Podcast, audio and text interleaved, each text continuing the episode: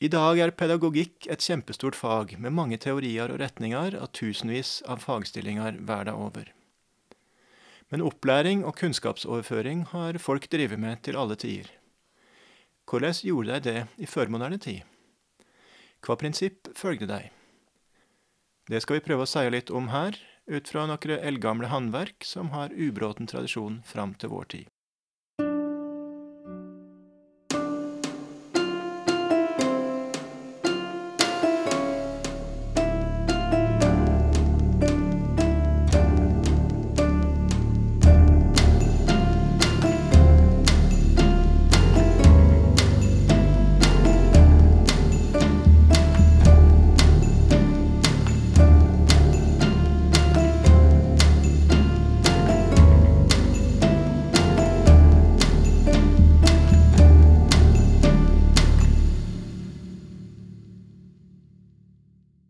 Velkommen til podkasten Tru og meining i gammal tid. Eldar Heide heter jeg, og gjest i dag er Jon Boyer Godal. Velkommen, Jon. Takk.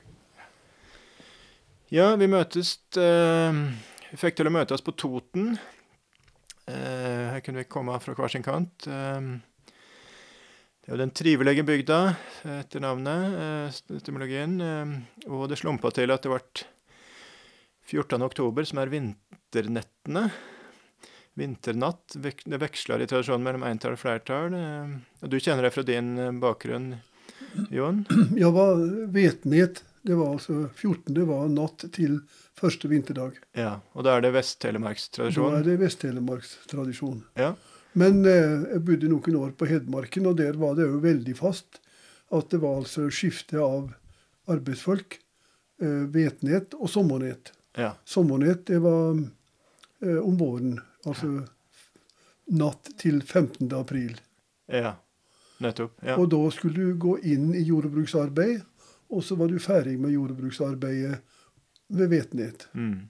Og da kunne det være slik at hvis gården hadde mye skog, så kunne du fortsette som tømmerhogger, men mange her på Østlandet for da i tømmerskogen Mm. etter at de har vært på gardsarbeid om sommeren. Mm. Ja.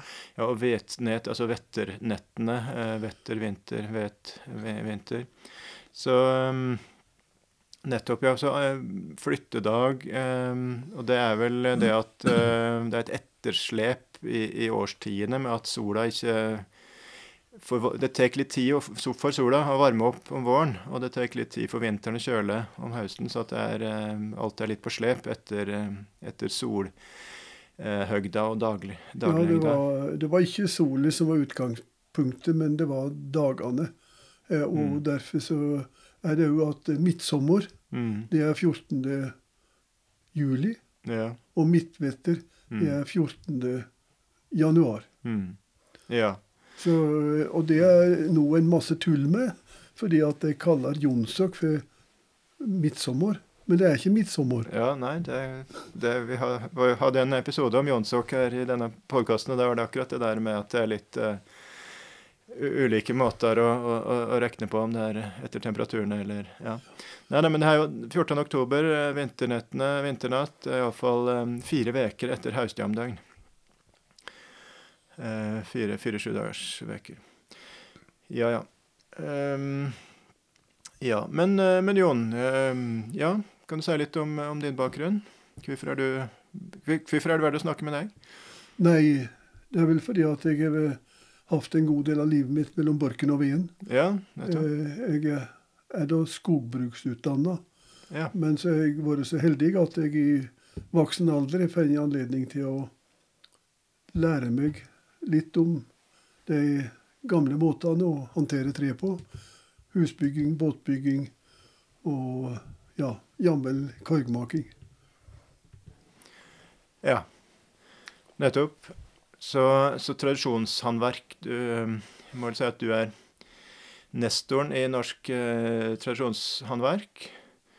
Så um, vi skal Det er utgangspunktet for det vi skal um, det vi skal snakke om. Eh, Det er veldig mye det kunne vært interessant å snakke med deg om. Nå tenkte jeg på det her med førmoderne folkelig eh, pedagogikk. Ja, og det, Du har drevet altså helt siden 1979-80 med å dokumentere eh, tradisjonshåndverk. Eh, først penger i Norsk kulturråd, og så var det håndverksregisteret på Lillehammer. og så, Det er jo det som er Norsk håndverksinstitutt i, i dag. Ja, det er det. Og det er mange, mange år. eh, Ja, hvor, hvor gammel er du nå? Men nå begynner jeg å bli gammel, ja. jeg er snart 87. Ja, nettopp. Men fremdeles veldig aktiv. Så jeg møter deg her på ved Silungen på Toten, og da du skal ha kurs for, eh, for studenter i tradisjonshåndverk, var det sånn? Ja, de skal, vi skal ha for oss en av de måtene å bygge i reist konstruksjon. Ja. Veldig mange av uthusbygningene rundt om på gårdene Ja. er i en reist konstruksjon. Det er et eller annet form for stolpeverk. Ja. Og vi har alt i alt ca. 30 forskjellige system i Norge Ja.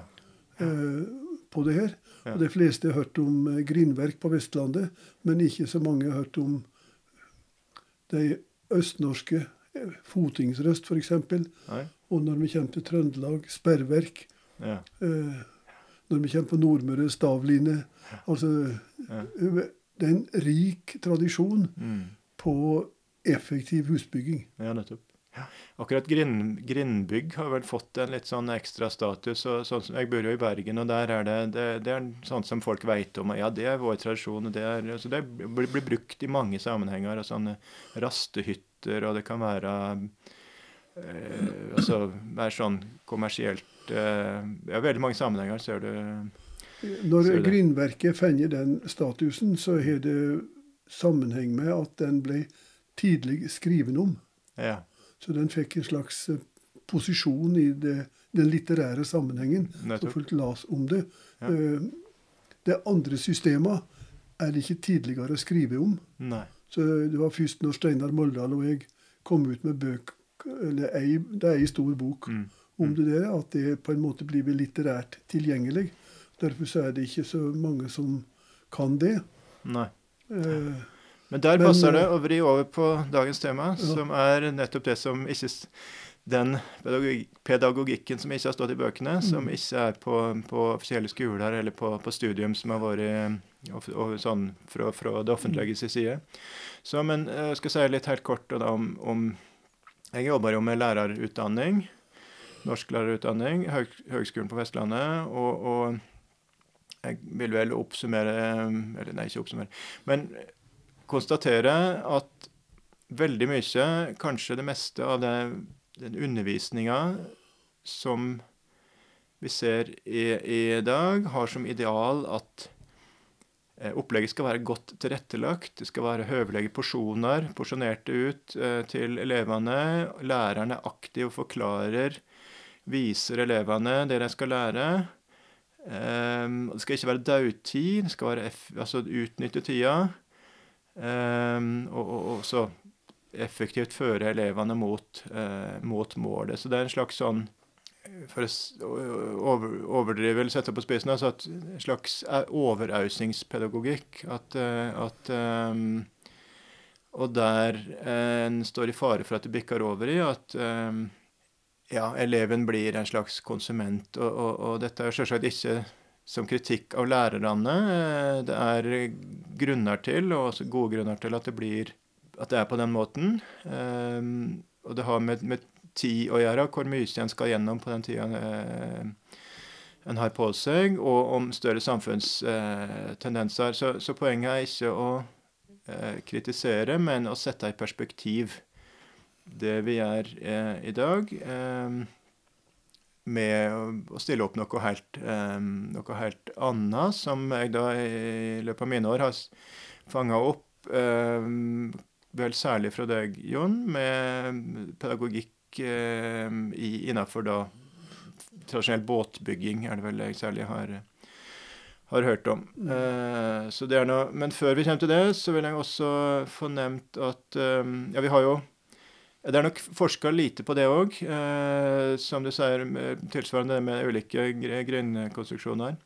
Men så har vi jo eh, i eldre skolehistorie, det vet en litt om, altså med eh, diktat var det mye, og herming etter gode skribenter, skrive av eh, eh, pugging var det mye, og, og mye juling. Spanskrør, ris, eh, den slags. Så ellers er det det vi skal snakke om her, er jo det er mye praktisk eh, kunnskap, eh, da som kontrast til, eh, til det som Jeg har faktisk tidligere i dag spilla inn en episode med, med Heidi Dals med Heidi Dalsveen om fortellinger og, og, eventyr, da særlig innenfor det. og, og da kan vi jo si før vi går til det praktiske her, at eh, som vi sier i, i denne episoden, så er det jo mye praktisk, eller mye kunnskap. En lærer jo mye eh, der òg, om seg sjøl som menneske. og, og eh, sette seg i andre situasjoner, se seg sjøl i andre roller og, og lære normer og, og verdier og, og, en del sånt. da. Og det, ja, Sånt som du har en del tanker om også, Jon, når vi prater om det i stad? Ja. Eh, nå bruker du ordet kunnskap. Ja. Eh, og det har i Norge to ord. Med mm. to ord mm. som vi bruker. Men det ene av disse her er i ferd med å forsvinne ut av det daglige språket. Mm. Vi sier at eh, du kan kunne, og du kan vite. Mm. Og i Tyskland sier vi samme 'können und wissen'. Mm. Denne distinksjonen er borte i mm. engelsk. Der er det bare To know. Ja. Og det at vi ikke skiller tydelig imellom det å kunne og det å vite, mm. så tildekker vi viktige forskjeller i måten å kunne ting på. Mm. Eh, og um, altså Du kan eh, lese, mm. og da kan du lære mye og vite mye. Mm. Det å lese, det er en kunnskap. Mm. Men det du leser, er et vitende. Mm. Eh, og den distinksjonen har vi. Og da, eh, når vi kommer inn på håndverk, som mm. vi skal røre litt om, så er det i veldig høy grad noen ting å kunne, mm. men også å vite. Ja, og da er vi over på, på det med taus kunnskap, så vi skal ta, ta litt mer etter hvert. Altså, men at det, det er nok, ofte noe som sitter i kroppen, medan det som en da lærer av eventyr, vil være mer det å, å, å vite. At du er mer eh, noe intellektuelt. Mm. Altså mer, mer ja, tankebar. Men også er det, bare for sagt med en gang her eh, eh, Det med de faga som du har din kunnskap, eh, kjennskap til, til da eh, for moderne pedagogikk ifra. Det er da båtbygging, det er seiling med med og Det er stavreiste bygg, som du nevnte. Um, og så er det lafting, altså knutetimring på svensk. Taklegging. Tømmerhogst, koggfletting. Uh, sauming av skinnskor og, og en del sånt. Ja, bare så vi har det. Men uh, ta båtbygginga, uh, Jon. Hva um, hvordan lærte en, en lærling altså Hvis en da gikk i lære hos en båtbygger, hvordan lærte en uh, det en skulle? Ja, det er nesten vanskelig å forklare. Ja. Uh, for de vokser seg vel inn i faget, ja. om vi skal kalle det. Uh, og da syns jeg det er morosomt å fortelle om Johan Hårstad, ja. som jeg spurte om akkurat det her. Uh, og da sier han det at jau, når han var fem år, så fikk han lov til å spinne si. Spinne si, det er den grove tråden som en legger som mellom, mellom borda. Mellom borda for å tette. Og det blir spunnet på den første slags spinneredskapen som vi kjenner til, en eh, krok. Mm. Spinne på krok. Spinnekrok, ja. ja. Det er før uh, teinen. Mm. Den snurrer du, men mm. på uh, kroken så virrer du. Så mm. det er et så enkelt arbeid, men det, allikevel, det fører til flere ting. Uh, den som da får lov til å gjøre det her, og han, Ole, han, han Johan han fikk jammen en 50-øring når han var ferdig med en hel båt. Mm. Så det var veldig svært som femåring. Mm. Eh, da har han gjort noe som er, som er viktig. Mm. Han er med i prosessen. Eh, og det å være med, mm. det gir verdighet. Mm. Så det gir en trygghet og mm. en viss grad av stolthet. Mm. Og dette her at ungene da får lov til å være med. Og han kunne selvsagt ikke gjøre det her uten å ha sett. Og det som han skal gjøre for å få til å spinne på den der kroken, mm. det er å herme røsle. Mm. Det er bestemt slags røsle som ligger bak det der. Og så skulle han ha en viss kjensle. I, i fingrene Ja. for å fòre ut spinnematerialet. Det heter taktil kunnskap. Ja. Altså du kjenner og ser, og så blir det det du skal ha. Det er en veldig enkel tråd. Det er en blanding av ull og kuhår som blir spunnet på den måten der. Og eh, å snurre den pinnen er det da den vesle kan gjøre. Også den som kan det litt meg, kan holde i den tråden og få til tråden. Så det er et samarbeid. Og dermed så er vi jo inne i det her at du kan liksom da utvide deg kunnskapsmessig ved at du stadig vekk mestrer mer komplekse deler av det der. Ja. Det neste han fikk lov til å gjøre, det var å felle tøfte. Det å få tøfte til å ligge riktig i båten. ja. Og det det neste han fikk- Benken tvers over. Ja, Det som han da fikk gjøre, det neste det var å, ø, å klinke. Klinke, ja, nettopp det. For ja- jarnsaum eller jarnnagler som en da Stukar, slik at det binder borda sammen. ja, det er spiker, Ja. eller hove, som- Det som svarte spikerhode på ene sida, så er det jarnskive jernskive på andre sida, så klinker det da sånn at det Ja. Ja. Og da vil det låse godt lås, sammen. Da er det en ja. naglefunksjon. Mm. Eh, og når han var 14 år, så fikk han lov til Mm. å holde motside med bestefar. Ja, for en må holde imot på eh, den sida der hodet sitt, og så der eh, den skiva som en trer innpå, den heter ro, og der er den banker med, med den runde sida på klinkhammeren. Ja, ja. Og holde imot var det han fikk lov til, av den passive på andre sida. Eh, nei, altså Nei. eh, nei. Det Nei, å holde motside, det betyr det at bestefar felte bordet som skulle Ja, være på høyre side, Ja, ja. og så kunne han felle det som skulle være på venstre side, og ok. gjøre likedan. Og det blir i høy grad å herme røsle. Men det er ikke bare røsle, for det er en hel prosess Mm. som da skal hermes. Og da eh, får han inn noe sånn grunnbegrep, og etter hvert, eh, ca. når han ja, kanskje var 20, Mm. så kunne han bygge båt selvstendig. Ja. Men, Men- da, men gjennom en prosess der han hadde fått prøve da, de ulike stega Ja.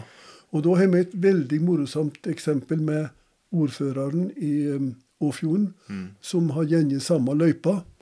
Og så skulle han da bygge sin første båt alene. Mhm. Og da var han 14 år. Ja. Eh, og så kom han til et punkt som han ikke fikk til.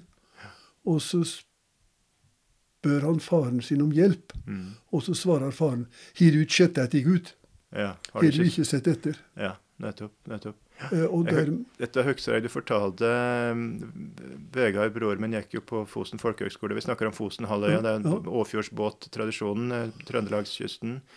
Um, avslutningsfesten, uh, som da var svær, svær sånn Familien i, i bedt inn dit. Um, du var rektor der på på. Du sa, sa, kom akkurat den historien der. Oh, ja. Så den uh, beit seg fast i minnet. ja. Ja. Eh, nei, og det betyr da at vi har faktisk en del paralleller med japansk håndverkstradisjon. Ja. For der er det også slik at de som skal lære et håndverk, det første de får lov til å gjøre, det er veldig enkle operasjoner. Mm. Og det er rett og slett å koste gulvet. Ja. Eh, og hva skjer da? Jo, da ser de hvem som er der. Ja. Og de ser hva de gjør, og får altså en hel del visuelle inntrykk. Ja. Og du vet hvordan det er med unger. Hvis de ser noe, så går det ofte rett i kroppen, og de begynner å herme røsle. Mm. Ja. Og det å herme røsle er et Mm. av grunnprinsippene i det her. Ja. Og ofte mangel på forklaring. Ja, nettopp. Men så Slik første, at uh, første da så til stades, føyer gulvet, men da en er, er i rommet, en ser hva som skjer, en, en suger til seg mye, veldig mye uten å, å, å kanskje helt være klar over det. Ja, Og så får en prøve seg enkle oppgaver, og så steg for steg vanskeligere ja. oppgaver. Ja. Og um, en annen båtbygger som jeg spurte, som jeg òg syntes var ganske fornøyelig, da, det var en eh, som heter Sigurd Brubekk. Eh, Og jeg spurte når han eh, begynte å bygge. Nei, jeg var 13 år, jeg, sa han. Ja. Å, var du så gammel, sa jeg. Ja, du vet, du måtte passe gården først. Ja, men kjære vene sa jeg, eh, tiåring, og du måtte vel av og til skave hoven ja, jeg var liten, jeg sa, men jeg la hoven på en stabbe, og så kunne jeg skave med øks. Ja, så for smi, smi hesten Nei, sko hesten. Nei, det er bare å skave, for det legger seg ting inni. Ja, ja nettopp. Men, men det med hest og hestehoven du snakker om? Ja. Så du må altså skave og få vekk det der. Mm. Eh, og så Ja, men tiåring, sa jeg, å stå med øks og skave hoven på en stabbe, i all verden, og så gikk det an. Jo, men du vet, de måtte kløve veden først. Ja. Eller med andre ord, Ja. altså veldig tidlig Ja. og ansvarsfulle oppgaver eh, som hermer. Og Mm. altså da er det egentlig at du ser. Og eh, når det gjelder, når det gjelder um, båtbygging, da, Ja. så har vi da den uh, komplikasjonen at um, formet er veldig ofte hengt opp i eh, et sett med systemer, kan du si. Det ene er rekkefølgekunnskapen, Ja. og, og den er knyttet opp imot en hel del håndgrep. Mm. Og så er det da faste prosedyrer på mål, slik at du får intendert form. Mm. Eh, og når du Fast- da, er- på når mål, du da, når du da får det til, Mm. så er du i stand til å begynne å tenke båt Mm. som funksjon, Mm. og kan tilpasse den enkelte båten til Mm. det som du gjør. Og Derfor så tar det som vanlig ti år Mm. å bli båtbygger så vel som låvebygger. Mm. Ja, så Men um, Og videre i den prosessen, da um, det, altså, uh, Har du ikke sett etter um, um, Da var det altså Det var et kritisk punkt i, i byggeprosessen, og, og ja Kan du Ja. si litt mer om, Og- om det kritiske punktet? ja, hvordan ja, prøvde å formidle Og det? det er da, da sier vi av og til at det er hemmeligholding som pedagogisk prinsipp. Ja.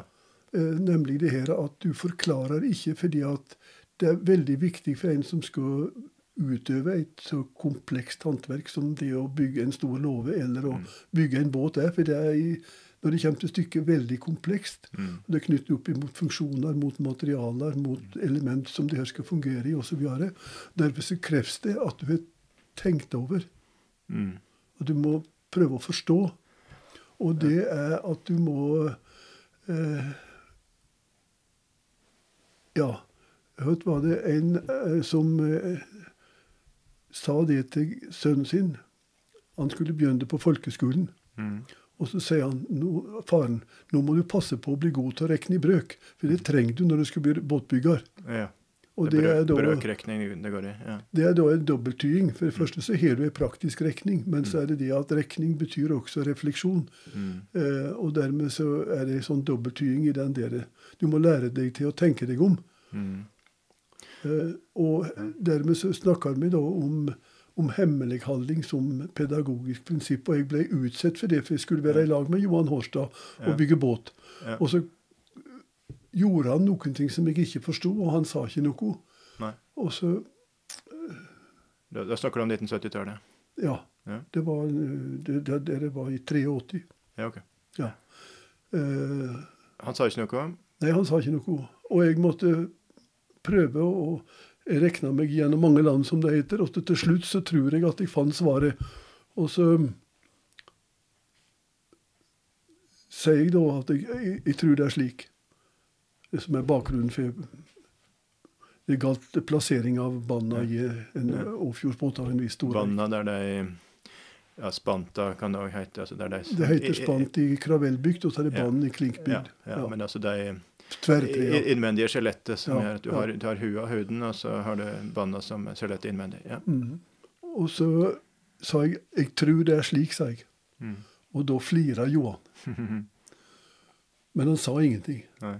Og hvis han hadde sagt noen ting, Mm. så ville han ha brutt et uh, veldig viktig prinsipp. Mm. Fordi at uh, hvis jeg hadde avslørt, Mm. da hadde jeg gjort det som det heter å som I denne pedagogiske tradisjonen da heter det å stjele kunst. Å stjele kunst. Ja. Ja. Du stjeler kunnskapen ved å jakta og herme og forstå. ja. Og hvis jeg ikke hadde stjålet, Mm. så hadde jeg fått. Nettopp. nettopp, ja. Og hvis jeg fikk, Mm. så var han fortsatt autoriteten. Hvis jeg hadde avslørt, så hadde jeg stjålet kunnskapen. Mm. Da var vi jevnbyrdige. Mm. Nettopp. Nettopp. Så Ja. For med, med å forklare så setter han seg over deg, men, men målet var at du skulle bli jambyrdig med han. Ja. Og da måtte han nettopp ikke Nei. Du skulle, med, du skulle jobbe deg opp på sida av han, og, og han skulle Ja, nettopp. Nei, men snedig. Men dette er jo stikk motsatt av, av det som eh, omtrent all undervisning i dag. Altså det er nettopp Du er en dårlig lærer hvis du ikke eh, forklarer. Mm. Eh, og dess bedre du er til å forklare, dess bedre lærer er du. Selv om det er mange andre ting selvsagt, du skal prøve å få til. Men, men det, og, og da er eh, Igjen, det er jo ikke sånn at det ene er rett og det andre er galt, men det er ulike tilnærminger, ulike filosofier, som har, som har hver sine sterke eh, sider. Så med hva er fordelen Ja, du har sagt litt om det, så at du vil Men si litt mer om det. Hva er fordelen med den eh, måten å gjøre, gjøre det på? Nei, det er altså at du Du må lære deg til å vurdere, lære deg til å forstå. Ja. Eh, for hvis du bare får og tar imot, så vil du ikke fortsatt bli Da vil du en uselvstendig person. ja. Og poenget her er at du skal bli selvstendig. Mm. Og så er det én ting til, altså selvstendigheten, og så er det jevnbyrdigheten. ja. Og det her at du er jevnbyrdig. Det er da et sånt eh, grunnleggende likeverdsprinsipp Mm. som vi har i veldig mange deler av vår kultur, Mm. og og som er det motsatte av det autoritetsstyrking. Mm. Mm. Men, og det er mer, eh, mer sånn praktisk sett at du forstår bedre eh, hvis du har eh, måttet knekke koden sjøl. Ja. Og, og det er det her med det systemet som Det får vi ikke gått så mye inn på eh, her i dag, men jeg håper å få til en egen episode om, om det. altså selv Det å bygge komplekse konstruksjoner uten teikning. Det krever en, en egen eh, tankegang. Men, men altså det er et, et system eh, som en da må forstå. Det er visse kritiske punkt da i prosessen som avgjør at der og der må du Det er ekstra viktig å få det, få det rett, og så følger en del andre ting eh, av det. Så, så det er det du, altså du mener at eh, en forstår bedre, lærer mer, det fester seg bedre hvis du da eh, Ja. Du får en eh, selvstendig holdning ja. til det. Mm, Og hvis du er jevnbyrdig, så kan du diskutere. Eh, hvis du er underdanig, så skal du bare hø hø- høre på. mm. Ja, ellers så sa du her eh, før vi begynte med opptaket, altså det med reflektere og repetere. Det var det med Før en kan reflektere, så lærer en bare å repetere. Kunne Ja, da er vi inne på det derre som er et nesten uutseielig prinsipp, og det er det som heter skikk. mhm, Altså Men det er ikke verre enn at det er det samme som med språket. OK. At hvis du har lært deg et språk, så kan du snakke med en som kan samme språket. Mm, mm, ja. Eh, og du kan diskutere dobbelttydinger i ord og Mm, et, et hvert sånt. mm, Eh, og egentlig så er det da at denne i opplæringsform er veldig nøye knytt opp imot at du forvalter en skikk. mhm, Alle som bygger geitbåt, bygger etter samme grunnmønster. mhm, Og har et sett med grunntall som styrer eh, måten du tenker båten på.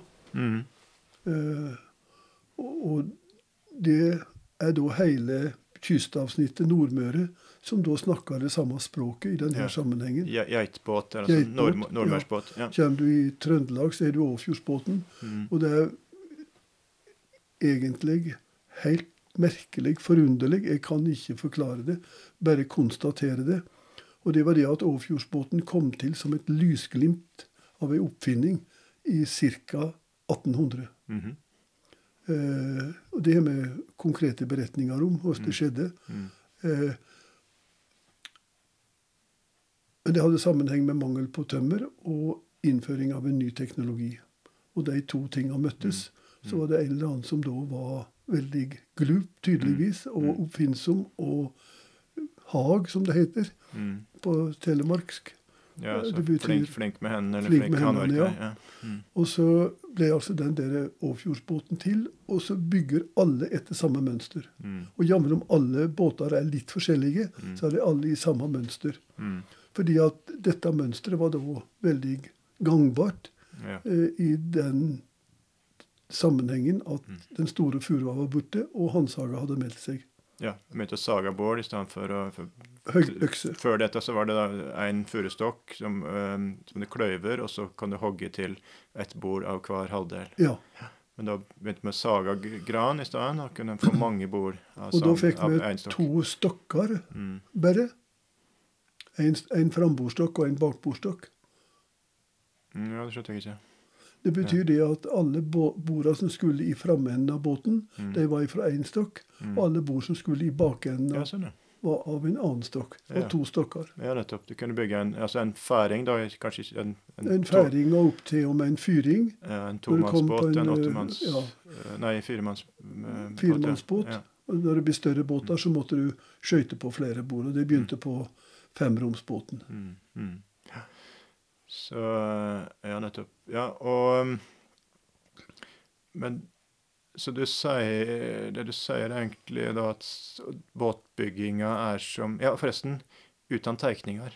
Bare så det, Vi har sagt det, men vi poengterer det. At eh, hele den byggetradisjonen her uten tegninger. Så det er ut ifra det systemet som en har i, i klarer å ta til seg. og, og det er hodet. gyldig for med uten tegninger var gyldig for husbygging, Mm. og det gjelder for- klinkabåter, og også for kravellbygde båter. Ja, det er kravellbygd. Altså at du har skjelettet først med et reisverk, og så Ja. legger du borda kant i kant utenpå Ja. med tetting.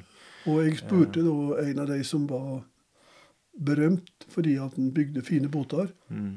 eh, kravellbygd, og spurte om han har bygd etter tegning. Mm. Ja, det har han gjort en gang, og det var bare plunder og heft. Eh, og eh, det samme eh, var det en av de som da, han som jeg nevnte, Mm. som hadde bygd mange uthusbygninger på Østlandet. Mm. Svære bygg på 400-500-600 kvadratmeter. Ja. Han har også bygd ett hus etter tegning, og det var bare plunder og heft. ja. Lettere å ha sånt, et slags improvisasjonssystem i, i hodet. Nei, Men- men, eh, det er det at eh, det er faktisk eh, mer nøyaktig, og det er mye raskere. Men du må kunne det. Mm. Og det er en litt sånn kompleks kunnskap. For du må være god til å regne, i tillegg til at du må kjenne de nødvendige modulene som skal inn i systemet, og bla, bla. Altså det er, noen ting å kunne. Mm. Det setter sine begrensninger, og det døde hen pga. at vi fikk et strengere regelverk. Staten ville ta sterkere styring. Mm. Men så kom også traktoren, eller altså motoren, Mm. grep inn. Og det gjorde at eh, eh, måten husa fungerte på, ble forandra. OK. Hva tenker du på Ja, du skulle ha en, en, mye større dør, for traktoren skulle inn. Ja, ja. For å si en enkel ting. Så skulle du kjøre opp på låvebrua, så Mm. måtte den være sterkere. Ja. Og så var det kanskje ikke nødvendig, for du hadde motorkraft, så du kunne blåse høye opp. Mm. Eh, og så, videre. så det er mange Det skjedde en teknologisk revolusjon i jordbruket Mm. ifra ja, kom midt på 50-tallet. Mm. Mm. Jeg bodde på en gard, og der var det bare hest, men på Grandegarden dura det. Ja. I, i, I Telemark? Ja, Nei, det var i, på Hedmark. Ja, Ja. nettopp. ok. Så, men eh, nettopp det med med å, Før en kan reflektere, så lærer en bare å repetere. Og da mener du at i prosessen før du da har lært dette systemet eller språket, eller hva Ja. skal kalle det, der du kan improvisere ja. sjøl, så lærer du å repetere delene. Og det var det med han som da laga motside. ja. Um, at um, når faren laga et bord på ene sida, så kunne han herme ja. og laga maken til det, til det bordet. Til Ja, på, og da er det faste prosedyrer for Ja. den der. Ja. Og enten du bygger alene, eller Mm. om du bygger sammen med noen, så er det samme prosess. Mm. Så da med å delta Du, du lager det ene bordet først, og så lager du det andre etterpå like igjen som det første. mm. Eh, Mm. Men når du da delte side med bestefar, så vil det si det som at han demonstrerer og Mm. gjør, og så kan du herme rekkefølge og håndgrep og hele prosessen. Mm. Og ved å gjøre det på den måten, så var kanskje bestefar litt mer tålmodig enn far. Mm. Eh, og eh, kunne ha et litt lavere tempo. Mm. eh, og alt det der som henger i hop med generasjonsskiftet. da. Ja, stemmer. Men altså, en lærer gjennom å, å herme de ulike delene eh, og være vaken, eh, følge med eh, hvordan meisteren gjør, eller de andre gjør, og så når en har laga de ulike delene som herming, eh, og eventuelt mange nok ganger, så på et visst tidspunkt så bikker det over, og da har en fått overblikk og forstått, eh, forstått systemet og vil kunne eh, regissere dette sjøl på, på egen hånd. Ja, det er et eh, ord som eh, jeg bruker i denne sammenhengen, og det heter å se det for seg. Ja, nettopp. nettopp. Altså Ja, du får uh... Altså, og det å se for seg, det Ja. betyr at du ser et indre bilde av den Ja. form du skal oppnå, og prosessen for å oppnå det. Du har tegninger, når du, når du kan lage tegninger, eller 3 3D-modellen i hodet, Ja. mer avansert enn tegning. Det er 3D-modell. det er det. Mm. Og så er det da altså ikke nok med at du har forma, men du har prosessen fram imot forma, Mm. som også er en del av ditt indre bilde. Ja. Og det å bygge disse, denne komplekse indre modellen, Mm. det er det læringa går ut på. Ja. Og det er altså da en sterkt individuell prosess. Mm. Eh, og det er ja stegvis framrykking. Når du har oppnådd én ting godt nok, når hadde, Johan hadde blitt god nok til å spinne si, Mm. så kunne han gå ivrig på neste prosess. Mm. Eh, og det, det er det, eh, det som ligger i, i denne her eh, hermetradisjonen, da. Ja. Nettopp. Så, så herme de ulike delene. Eh, og være med eller, Og før det så var det å observere, feie gulvet, observere hva de driver med, og så få lov til å lage da enkeltdel, enkeltdel, enkeltdel, men uten å ha regien. Og så, og så til slutt så ser en sammenhengen og har forstått, uh, forstått systemet. Ja. Eller, ja. Nei, for det, det er da eh, Hvis jeg kan nevne en sånn uthusbygning på en gard som jeg bodde i noen Ja. år, borte på Hedmarken, Mm. så var det en, en typisk sånn kombinert driftsbygning. Stor uthusbygning. Mm. Og eh, med samme du kom inn på kjørebrua der, Mm. så til venstre der lå lauvet Ja. med lauva. Eh, Mm. Ja, altså skal lauv, grein, greiner av lauvtre i skogen til fôr? Til fôr, ja. og ved sida av der så sto sauene, for det var de som åt opp det fôret. Aha. Og så kom du eh, Ved sida av der så var det da et høy som skulle være til hesten. Og hesten skulle ha det beste fôret. Ja. Eh, og så var det en fjøsgang, og så var det et fjøs. Og inni fjøset så var det det høyet som kyrne skulle ha. Mhm. Eh, og så kom vi litt lenger bort, og da kom vi ved sida av ei renne som gikk ned i første, der det sto en stor kornbinge. Mm. Og den var ved sida av grisehuset, Mm. for grisen fikk en del av kornet. -hmm. Eh, og så eh, lengst bort så var da eh, Det lå loen, som det heter. Det er altså halmen med kornet på, Mhm. og som da ble treskt.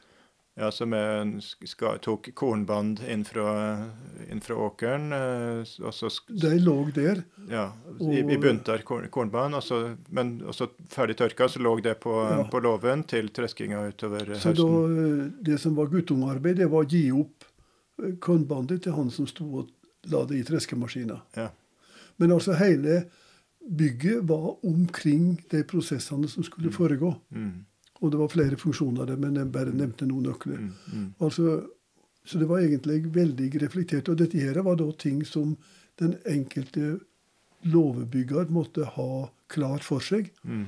Og utgangspunktet var da en av modulene som gjelder i sånn sammenheng. Mm. Det er noen faste moduler, enten du er i båt eller hus. Mm. Og en av modulene her, det var eh, hvor mange kufor var det på den gården.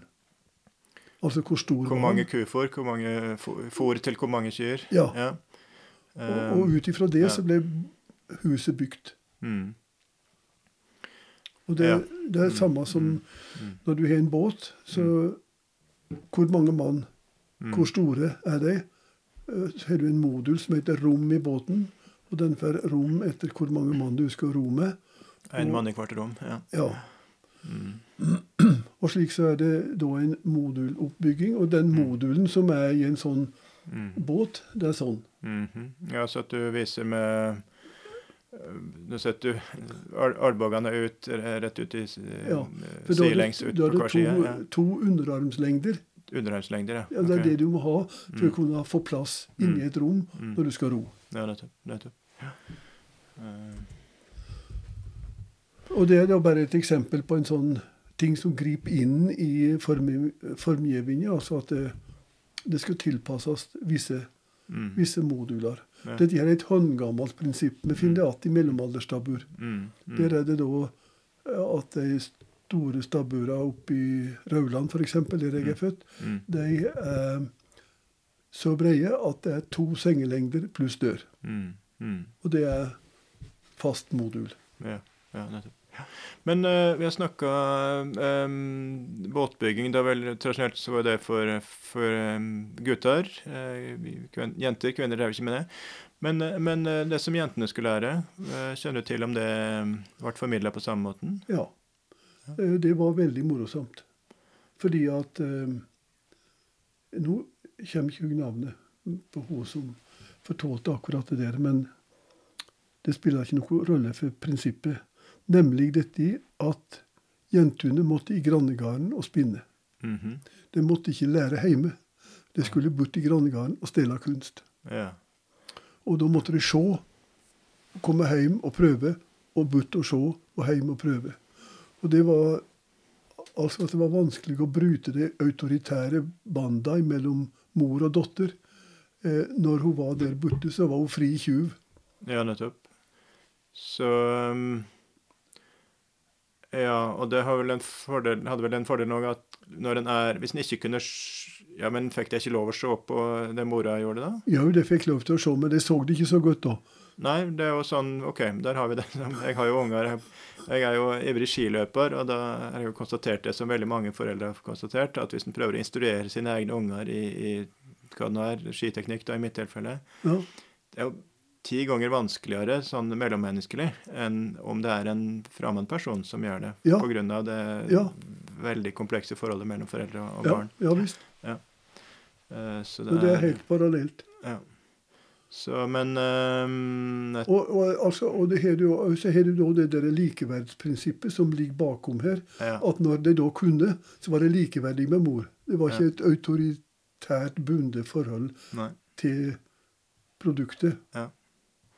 Og så, nei, for det, nettopp det blir et helt annet, annet forhold når det er en, en fremmed, eller ikke fremmed, men altså en, ikke familie. Mm. Så, men da vil jeg kanskje være mer skjerpa, ville se bedre etter eh, i den situasjonen òg, enn der hjemme som en går og Ja. Ja. eh, Nei, da, jeg har da diskutert det her med flere og Mm. yngre folk i både her og der. Mm. Og det er nokså stor samstemmighet om at Mm. dette her har vært grunnleggende prinsipp i vår folkelige pedagogikk, og veldig ulik skolepedagogikken. ja. Altså det med hem, hemmelighold? Hemmelighold Ja. og likeverd og Ja. uh, altså se og lære, heter Mm. det. Ja, så ikke instruksjon, ikke forklaring, men delta, eh, se etter og herme, Ja. og så eh, vokse inn i det. Og så kan du da selvsagt eh, snakke om, eh, og f.eks. Eh, Trygve Fjærli i Valsefjorden, der som jeg bor, Mm. som da var god tømrer og lærte opp på denne her måten. men og han sa det slik, det var da ikke annet de snakka om om kveldene eller tømringa. Nei. Så at dette at en er snakka om og reflektert Mm. eh, i en slags eh, Ja, i Ja. et arbeidskollektiv, da. Ja, at, at en i det tilfellet gjorde jeg det sånn, og jeg tenkte sånn, Ja, fordi at her var det Det skulle brukes til eh, et eller annet spesielt. og ja, alt det der. ja. Ja. Så Men det er også Det er vel eh, Du dokumenterte jo Nordlandsbåten og Åfjordsbåten, eller du Åfjordsbåten og Gunnar Eljarn Nordlandsbåten, men det to i lag. Og da er det blå firebandsverket som gjerne vil kalle for blåbøkene om, om de to båttypene. Men da er det vel Gunnar skriver om, om seglinga. Det er vel Tromvika utafor Tromsø at det var eh, en spesielt god informant han fikk tak i, som kunne fortelle at nei, det var alltid prat om seiling om kveldene. Uh, ja, ja. Det var uh, Alfred Lindrupsen, det. Alfred Lindrupsen, stemmer, ja. fra Tromvika. Så, Så, nettopp. Men at Og det, og det er jo en ei anna side av den opplæringa her som vi ikke har vært innom, vel. Og det at det altså det her uttrykket 'små gryter har òg øyre'. Altså unger som er til stede der det blir snakka om noe, fanger opp veldig mye. Mm, ja. Og det, Ordtaket går jo på det at en, en, passer seg for hva en sier, for det, at ungene fanger opp det som en ikke tenkte de skulle vite. Men, men, men som pedagogisk prinsipp og at bare de er til stede, så fanger de opp veldig mye av det de voksne snakker om, og, og tar det til seg. Det var en som heter Fenidolf Yttersian på på Hitra i Trøndelag? På Frøya. Frøya var det. Mm. Ja, ja, det er fra Sistranda, det var ja. det navnet. Ja. Um, og han uh, var mesterroer. Ja. Det var virkelig moro. Så vi fikk noen få filmopptak med, med roing hans. For det, det, å ro er også noe du skal kunne. Ja. Uh, så derfor så var vi der. Uh, men så kom jeg ut og snakket om et kvart sånt som vi nå snakker om. Ja. og så sier han det. Ja, når vi var små, så, så lå ungene bestandig på løftet over kjøkkenet, og der var det luke i gulvet. Ja. Og så lå de og lya. Og de voksne snakka om slikt som de gjerne ville at ungene skulle høre. ja, og, um, og det var jo da den her ikke-autoritært bundne sammenhengen, mm. men altså appell til nysgjerrigheten og til ja. kunnskaps... Ja at ungene kan tenke at dette er det ikke meninga vi skal høre. Derfor er det ekstra spennende. Men da er det ekstra spennende, ja. hører vi ekstra godt etter, og, og nå, kanskje foreldre og nå, nettopp Nå eh, prøvde ja. han å gjøre det barnebarn, for, overfor barnebarna sine, -huh. men de hører ikke! Nei. Hører, hører, ikke etter. Han var liksom sjokkert i at de ikke hørte etter Nei. når noen voksne snakka. Mm. Og, og det ja, det minnes jeg fra min egen barndom og egen oppvekst. altså Dette her å sitte og høre på det voksne røde, det var da en del av, eh, av det som vi bare gjorde. Men det hadde vel selvsagt sammenheng med at det var ikke engang radio, vet du. Nei. Nei. Nei, det er nettopp det er, um, Ja, for det er også et spørsmål om den pedagogikken her, at uh, om det krever at det er litt um, At det er få impulser i, ellers i livet. Rett og slett. At det er eh, i et førmoderne samfunn er ikke radio, dårlig med bøker, eh, ikke fjernsyn, ikke, altså, ikke hermetisk musikk engang. Altså, og da um, I den situasjonen vil en nok ha et helt annet driv i seg til å suge til seg det som er av impulser fra, fra miljøet en lever i. Men i dag som en blir bombardert med ja, inntrykk av um, mer eller mindre nyttig sort. Så um, eh, Men eh, det, eh, det, er håp. Ja, ja. ja er, jeg, jeg, hører til deg som mener at verden går framover. Ja. men er tilbakegang på visse områder, men sånn store gjennomsnittet, så ja, jeg ville aldri levd Det er fordi at Her om dagen så hadde jeg med meg noen små unger, sju og åtte år, i ja. potetåkeren vi skulle grave. Ja. Og plutselig så, så den ene en makk ja. Har ikke sett før. Oi. En makk Meitemakk? En meitemark, ja. Mask. Ja. ja. ja. Og, det, og, det, liksom da å bli Eksponere veldig tydelig fascinasjon av å se en makk, det syns jeg det ga håp for verden. Ja. Ja, ja. ja. Nei da, vi, vi Gena våre er de samme. samme mm. Så, så, ja da. Men samtidig så er det jo um, ja, eh, ulike samfunn. Eh, her snakker vi om samfunn med, med, der det er få impulser. Eh, ja, det er ikke få impulser, men det er ja, uforstyrra. Lokalt uforstyrra. Ja, ja, men at en da mer lokker fram den naturlige, nyfikne trangen til å utforske det som er der. Ja. Som en da må nettopp må skaffe seg. En må oppsøke. ja. Det er det som er. Eh, Det er men i, i dagens samfunn så blir en bombardert med inntrykk og trenger ikke oppsøke så mye. Nei. Og det preger jo også eh, pedagogikken i skolen, at en må være mer eh, eh, ja, Pågående er et fryktelig negativt ord men, i, i en sånn sammenheng, men altså det er noe på et vis det det er snakk om. At en eh, ikke kan sitte så mye og bare vente på den naturlige nyfikne, at den skal eh, komme. Jeg tror virkelig at en god del av de problemene som vi har nå med ungdom, Ja. er to ting. Eh, Og det ene er det at eh, kroppen er ikke lenger en viktig del av det du lærer ved hjelp av. Mm, Altså, Du skal ikke herme rørsler lenger. mm, Du får ikke, kroppen er liksom et unødvendig vedheng, mhm, bortsett fra å trykke på det her tastaturet. ja. Eh, Men liksom Mm. eh, Ja, så det Ja, for det er veldig mye at det, med, det er på, på PC, det er på Mm. nettet, det er på Ja. det er hodet som, Ja. eh, som skal være med. Ja. Og det andre er da det som da det her båtbyggerne vi var inne på, har Mm. uttrykt, nemlig det at det har vært bruk for deg. Ja. Og det er vel Mm. den dårligste melding vi kan sende til noen mennesker. Det er at nei, det har vi ikke bruk for. Nei. Du er bare til bry. Nei, du trenger ikke stå opp. Nei. Eh, Og det her som da, ja, så sent som når jeg var unge, fikk lov Mm. til å lære, mm, det var det at det var bruk for oss. Ja. Så jeg vet ikke nei, Noe av de første store arbeidsoppgavene som jeg var med på, det Mm. var å plukke mose til grisefôr. Ja. Altså det er, det altså I botanisk forstand er det en lav. Det heter islandslav Mm, i bøkene. mm, Det heter matmøse på norsk. mm, Eh, altså det samla meg til grisefôr. ja. Og jeg var vel ja, jeg kommer ikke om det var fem eller seks år. mhm, Men da var vi og samla sekkevis med det der. Og en lite små hender finner den der mm, mossen og kan Mm. gjøre nyttig arbeid. mm, Og det gav oss da en stor verdighet, for plutselig så var vi til nytte. Det ble da, mm. Det ble jo fôr, og så at grisen lika det.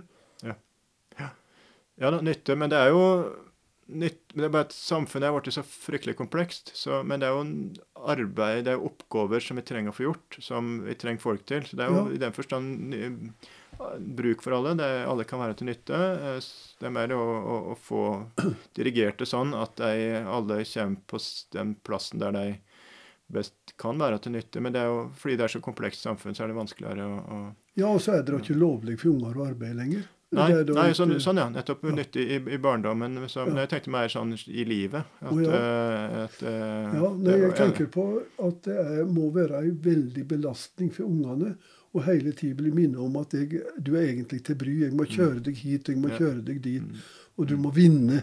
mm, Mm. Eh, altså det er da, Ja. eh, I stedet for at du er med og gjør Mm. noe av det som Ja. livet trenger. ja, ja. Nei, det er klart at det er, det er fint å kjenne at en er til nytte. Sånn som Roald Amundsen skriver i den eh, boka om Nordvestpassasjen, der for med eh, skuta eh, som heter Gjøa like etter 1900. Og så lå det to vintre borti på øyene i arktisk Canada. Så forteller han at det var inuitter som hadde omtrent ikke hadde hatt kontakt med omverdenen. Så det var seks, seks år gamle gutter da, som var eh, på isen og fiska skrei. Altså diger torsk Ja. og, og vinter. Aleine. Hakka hull i isen og Ja. klarte å slepe hjem den der Ja, skreien. ja, ja. Så det var, men, men det er noe en sak med to sider, da. At uh, også det med uh, at f- fritid er jo òg et framsteg. At en da kan bare leke og Ja. være unyttig. Så det jo, men det, er sånn er det med det meste i livet. At det er to, to sider. ja jeg vil inn og si det at uh, jeg opplevde det å måtte reise på ferie som en plage. Ja. Ja, nei, det Fordi at, da, det var da på den morosammeste tida. ja, Det var det høying og hoi og ja, hø- Høyene, ja. Ja. Hesje og alt det. der. ja. Så Så dette å ikke være til nytte tror jeg er altså en veldig belastning. Ja. Ja. Ellers med det vi snakker om med den pedagogiske måten vi snakker om her, det krever veldig lang tid, mye av det. Og det er en grunn til at en ikke gjør det sånn i skolen. Eh, ikke i dag, og ikke, ikke i latinskolen uh, før i tida. At en uh, Når du skal ha en Ja, en, det er så veldig mye som en skal gjennom, og en skal ha med alle. Uh, evnene er ikke like gode eh, over hele fjøla, og ikke minst mange umotiverte. Så um, er det jo vanskelig å drive med det her over veldig lang Men kanskje kunne lagt det opp på en helt annen måte, men, men iallfall generelt det å bruke veldig lang tid på å, å, lære noe er vanskeligere å få til sånn som samfunnet ser ut. Det er ikke sant. OK? Nei? Nei. Fordi at uh, en har da funnet fram til noen kulturuttrykk ja. som en får lov til å bruke mye tid på. Mm. Ja. Og det er f.eks. slik at det er noe, noe som heter idrettsgymnas. Mm. Og det er noe som heter musikkgymnas. Mm. Eh, og der kan du altså da gange ti år å lære. Du begynner på kulturskole i tiårsalderen, eller før, mm. jamvel. Mm. Og det er likens med idrett. Og så kan du da somle bort hele livet ditt eh, til du er 20 år Eh, med noen ting som da bygger opp til en formell eh, kompetanse. Mm. Men tilsvarende for andre praktiske kunnskaper har vi ikke. Mm. Men akkurat for de to fenomenene har vi det. Mm. Uh, at der kan du bruke veldig lang tid på det du, ja, du, du, ønsker å drive med? Ja. Du bruker ti år før mm. du har en bachelor og da mm. kan gå inn i yrket. Mm. Uh, men uh, det å stelle jorda, f.eks. Mm. Hvis du skulle ta inn over deg alt det som det egentlig betyr å dyrke jorda. Men nå er de fleste som driver med det her i landet, de har vokst seg inn i det fordi at det står i en tradisjon. Og Mm. tradisjonen er bærer av veldig mye kunnskap, men det blir det Mm. mindre og mindre av. Maskinene gjør meg og meg. Mm. Så, men eh, eh, Ja. Jeg mener det at det er veldig mye kunnskap som ikke er definert som kunnskap, Mm. eh, og som ligger i denne formen for pedagogikk som vi da skulle ha hatt med oss. Og det er Mm. det som da egentlig er et eh, resultat av arbeidet som jeg holder på med, Mm. med å dokumentere eldre slags håndverk. Mm. At det er veldig mye kunnskap som er renner ut. Ja, som vi taper. Som vi mister. Som mister. Blir borte. Ja. Ja. ja ehm, det og, er det jo. Og, og det tror jeg er et stort tap for kulturen. Og dessuten så er det en stor risiko. Mm. Det er en risiko på den måten at det er veldig mange unger som føler seg til overs her i verden. Mm. Eh, og det er risiko på den måten at plutselig så er det bruk for en god del av den kunnskapen igjen. Mm. Ja, da, da tenker du på altså, tradisjonell kunnskap, um, dyrking av jorda med enkle middel uten importert uh, kunstgjødsel og traktor eh, fra, Ja, fra Japan på det Japan og at ja, Kanai. Altså I dag så bruker vi Jeg kommer ikke ihåg tallet, men det antagelig noe i retning av fem-seks ganger så mye energi på å fange fisken som Mm. den energien som fisken representerer som mat. Mm. Og, så det er et vanvittig sløseri Mm. som ikke vi kan holde på med. Og dermed så blir det å ta i bruk igjen denne typen kunnskap for rett og slett at verden skulle overleve. Mm. Eh, Det tenker jeg at det kommer som en tilleggsfunksjon, så det kan kobles imot her. Det vil dreie seg om å bruke menneskekroppen i langt større utstrekning. Det Mm. vil dreie seg om å skaffe mat av det nære miljøet. Mm. eh, Og ja. Ja. ja. Så um, Og da vil f.eks. det å kunne seile og ro uten å bruke motorkraft, mm. det vil bli en stor vinning. Mm. I dag så oppfatter jeg det som et stort tap. Hva å seile og ro? Nei. Ja. Ja, for det at det går ikke fort nok. Ja, ja, ja. Det blir dårlig timelønn. Mm, ja, ja. Ja, ja, ja, det er timelønn, men så er det jo interessante regnestykker som er gjort da, med hvor fort går egentlig ja, kan si en, en, en påhengsmotorbåt, eller hvor fort går bilen hvis du regner inn den tida du brukte på å tjene pengene til å kjøpe. Ja, Det, det, ja, det ja men eh, de som fisker Mm. eh, Oljeprisen er ja, beskjeden. ja. Ja, ja. Men eh, det er en ting vi skulle sagt mer om, og det er det med, med taus kunnskap. Eh, det er en god del eh, Altså båtbygging, eh, seiling eh, eh, Lære å seile med å være med i båten fra en er bitte liten, og så bare ser en hva som blir gjort, og så får en slippe til å ta et OK, nå kan du ta brasen. ja, ikke først brasen, nå kan du ta boligen. Og så, og så etter hvert så, så har en det inne. Men ehm, ja. Taus kunnskap, hva, hva er det, Jon? Nei, det er vel en filosof som heter Poliani, som har introdusert Det var han ikke polakk, tru. Og i engelsk heter det 'tacit knowledge'. Det betyr taktil kunnskap, altså berøringskunnskap. Mm. Eh, som han bruker det. Og det ble prøvd omsatt til norsk. Eh, og da ble det hetende taus kunnskap. Mm. Eh, og um, så når vi starta opp det her arbeidet med Norsk håndverksinstitutt, som det heter i dag, så var det spørsmål om hva vi skulle bruke som ord og uttrykk for det vi holdt på med. Mm. Og så fant vi ut at det der ordet tacit knowledge, taktil kunnskap, var ikke helt um, dekkende. Mhm. Eh, og så eh, 23. oktober i 1993 så satt vi og diskuterte det her på kontoret på Mm. Maihaugen. Ja. Og så sier jeg noe slikt noe som at nei, men det, det, er ikke, det, det, det er ikke bare taktilt, det dreier seg om handling, som vi kan kanskje si handlingsbunden kunnskap. Mhm. Nei, sier Magne Velvli, han er ikke bunden, han er båren. Mhm. Handlingsbåren kunnskap. Ja. Så ble det da handlingsbåren kunnskap. Ja. Og altså med det så legger en da at det bygger på en god del erfaring som ligger i f.eks. taktile Mm. karakteren på et trestykke, som da Dette her er et glatt trestykke som nå legger fingrene på. Så det, det gir meg en hel del informasjon om det. Mm. Så det er en del av det. Mm. Men like mye så er det da, dreier det seg om handlingsmønster. Mm. Du, vi snakker om rekkefølgekunnskap. Mm. Altså du gjør ting i en viss rekkefølge Mm. fordi at det er den effektive måten å, å gjøre det på.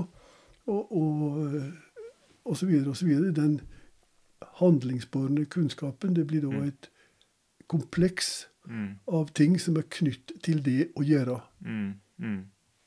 Ja. Som ikke er intellektuell. Ikke, du sitter ikke og resonnerer -hmm, øh, Den er ikke frikobla fra handling. Nei. Men det betyr ikke at du ikke tenker. Nei da. Men, men altså, ta en, en filosof da, som bare sitter og pønsker. Ja. Ja. Det, er det blir kanskje det motsatte. ja. At, eh, ja. Ehm, men taus, det er ehm, Ja, Polanje Det var Han var vel ungarsk-engelsk.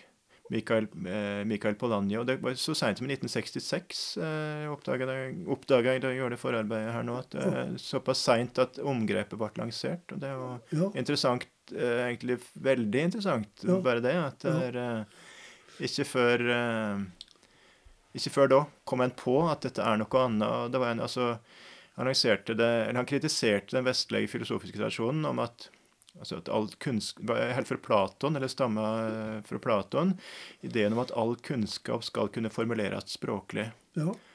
Og eh, det stemmer jo ikke. Nei. At det er, det er veldig mye som en som en, en bussjåfør. Veldig mye av den eh, ja, I dag vil vi kalle det kompetanse, eh, gjerne. Mye av kompetansen til en bussjåfør sitter i kroppen. Det er Ja. reflek, innøvde reflekser. ja. Og, og um, veldig mye som man ikke tenker over. Bare det skjer. Det er altså snarveier i, i hjernen. eh, er det Ja, jo da ja, altså det er, du, du, du tenker det, og så gjør du det. Ja. Altså, det er ikke tankeløst.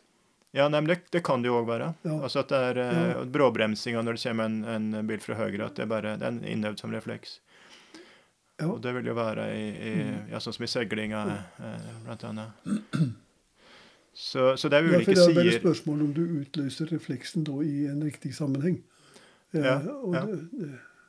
Og hvis du gir det i en riktig sammenheng, så er det en refleksjon, egentlig. Du gjør det fordi at du vet at dette her er en gale hvis jeg ikke nå gjør sånn. Ja. Uh, ja. Så det er ikke, det er ikke frikobla fra Mm. forstandet. ja. Nei. Men det er kobla til handling. Mm, mm. Så det er en tilleggsfunksjon, ikke Ja. en Ja. fraværsfunksjon. Så nei, men er flott, men samtidig så er det vel eh, det er ulike aspekter ved det. som, altså En annen side som da tauskunnskap får frem. at det er, For det vil vel ofte være, vil jeg tro, at um, en ikke kan gjøre greie for det, eller ikke har tenkt over det. Men så en må, må grunne en stund på det for å kunne, kunne formulere det i ord. Det, det har ikke vært nødvendig før. Eh, Ja, det dere diskutert en hel del med Gunnar Eljan. Ja. Eh, og ja. Ja, for det hadde et raid på 1980-tallet med å intervjue da det som var 90-åringene den gangen, som og, kunne, kunne seiling av båtbygginga. Ja. Ja. Og um, altså Når du skyter et bord, som det heter, høvler toppen av det, slik at det skal få en viss eh, karakter, Ja. en viss retning, en eh, viss mangel på bølgerørsle, og eh, kanskje du skal legge det litt sånn. Eh, og alt det der er det da forholdsvis tungvint å forklare med ord. Mm. Men når du er trena i det, så gjør du bare sånn, og så ja, Ja, Du stryker fingeren over, og så kjenner du så kjenner Sånn. du det. Der. Ja. der. Dette er rett. Men det. eh, vi, en annen som kan det samme, kan godt snakke om det. Jeg tar litt meg der. Mm. Og en som ikke har gjort det, vil ikke forstå hva som er sagt. Han som, Men de to som kan det. Mm. Og dermed så er den der Mm. forestillingen om taus kunnskap Ja. også hengt opp i ei yrkesdeling. At folk som er driver med praktiske ting, de har ikke i samme grad vært skrivende. Mm. De oppbevarer kunnskapen sin på en annen måte enn gjennom skrift. Mm. Og det, det er også en refleks av det som ligger i det her ordvalget. Mm. Ja. En assosiasjon jeg er, det er til, til Helge Ingstad, noe han skriver i 'Pelsjegerliv', den legendariske boka. Fra eh, Han levde nå tre år på, på tun, sånn skogsbande og tundraen i, i Canada, eh, 1920-tallet. Og levde bl.a. en del eh, i lag med en indianerstamme som han kaller for eh, villreineterne. Og så er han med Det er jo sånn det var var så sent som på 50-tallet, tror jeg. Nei, det var, eh, det var i Alaska. Eh, De Nunami-utdannet. Ja, ja. i ja. Det Ja, var, det men- var sent. Det var, var etter krigen. Ja, men nå tenkte jeg på villreineterne på 20-tallet, på, på tundraen eller Ja. mot, mot Ja. eh, barskogen i, Canada.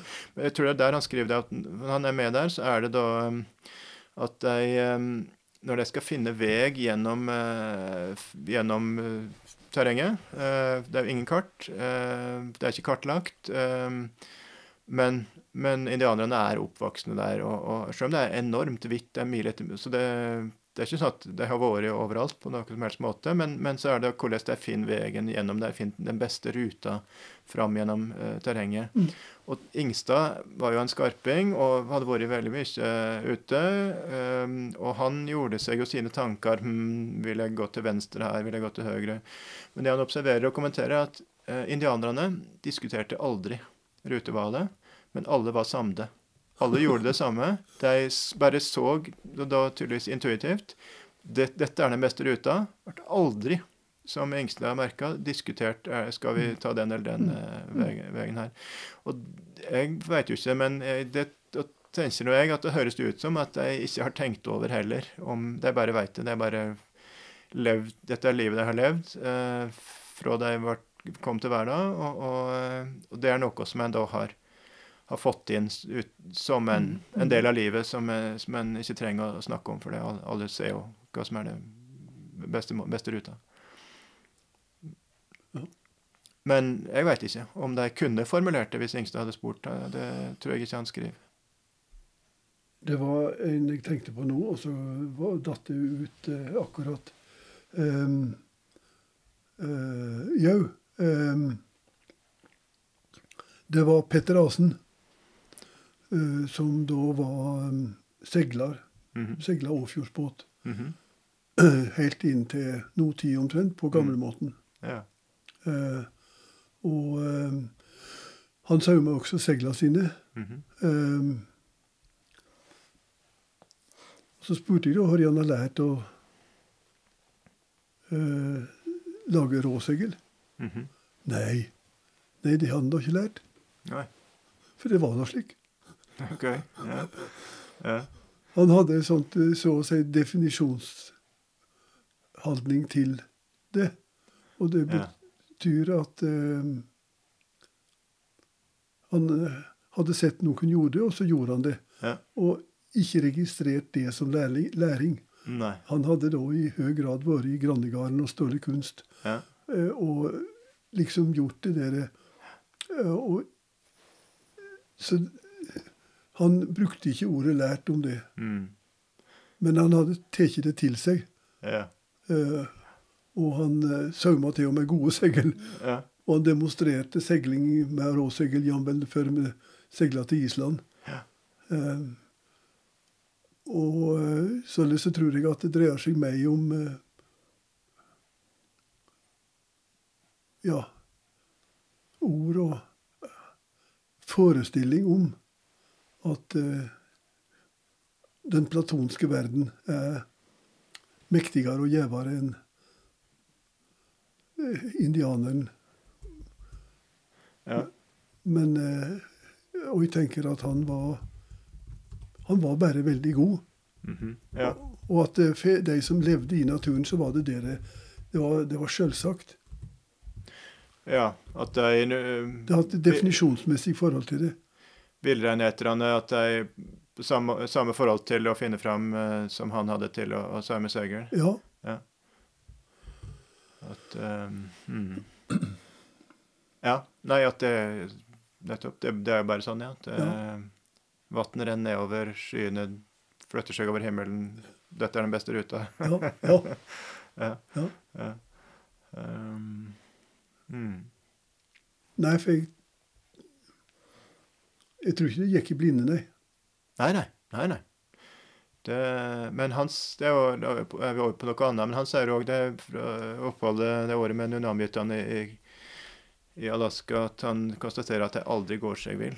Det, det kan være grautjukt snøkov, men de visste hvor de skulle. Mm. De så ingenting, men bare visste det. Så, Men eh, det, og det gjeng veldig mye på evne til å take seg merke, slik at en kan gå tilbake.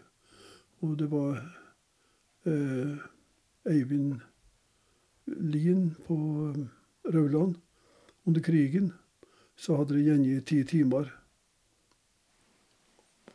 ja. og i grautende tykk skodde. Med flyslepp, da, for jeg måtte ta flyslepp og flytte på det, så det ikke kom Da kunne bli funnet igjen hvis det var det som datt ned. ja, nettopp. Ja. Ja, altså sånn- flyslepp fra, fra britene. Ja, eh, ja. ja. Eh, og så eh, Når jeg skulle tilbake, da, så var det altså det var, Jeg vet ikke så mange, men om jeg sier at det var fem stykker da. Og det stilte seg opp og nettopp ville gå i hver sin retning, alle sammen. Mm. Og så sier han Jeg tror det er bare jeg gjeng fyr i, Jaha. for jeg er med i vane dette. Ja, ok. Han var en fjellbonde. Han var oppvoksen i fjellet Ja. og levde sitt liv i fjellet. Ja. Og gikk tilbake og bomma ti meter på hytta. Mhm, mhm. Ja, ja. Ja. ja da. Nei, det er evner, vi har evner som vi kan, eh, kan øve opp. Som, eh, Og det, det vet jeg da nesten ifra mitt eh, eget liv oppe i fjellet der. altså at Det var nå en gang det var grautende tykk skødde, vi skulle på reinsjakt, og vi skulle opp på ei hytte der. og så eh, Jeg gikk i én retning, og så møtte jeg tre karer som kom i motsatt retning. Så Mm. spurte jeg om det i Silje. Ja, du skulle på samme hytta som meg. mm. ja, da var det bare en gjeng bak meg. Da. Og heldigvis, og jeg var såpass kjent, jeg eh, gikk fram. nå. Men akkurat det der Hva det gjeng på? Altså, og da gjeng det på ganske små ting. At, ja, nettopp. Hva som gjør om en finner fram eller ikke. Ja, ja. På, ja. At du, du holder hel retning, f.eks., eller eh, Ja. Du, du, ja, himmelretninger holder du greie på i forhold til vegetasjonen. Mm. Sol påvirker Mm. nord og sør på et tre, så du ser nord og sør på ei gran. Og masse sånne Mm. forholdsvis ja, useielige Mm. detaljer i landskapet Ja. som hvis en vokser opp med å, å bruke det, så tror jeg at det bare Ja, det blir som Vi tenker ikke over at vi gjeng, men vi har lært det. Mm. Jeg tror nok, sånn jeg husker Ringstad i boka 'Nunamiut', at han, eh, han var jo veldig, veldig rutinert som friluftsmann på Ja. det tidspunktet. Ja. Eh, Men jeg tror, sånn jeg husker han, at han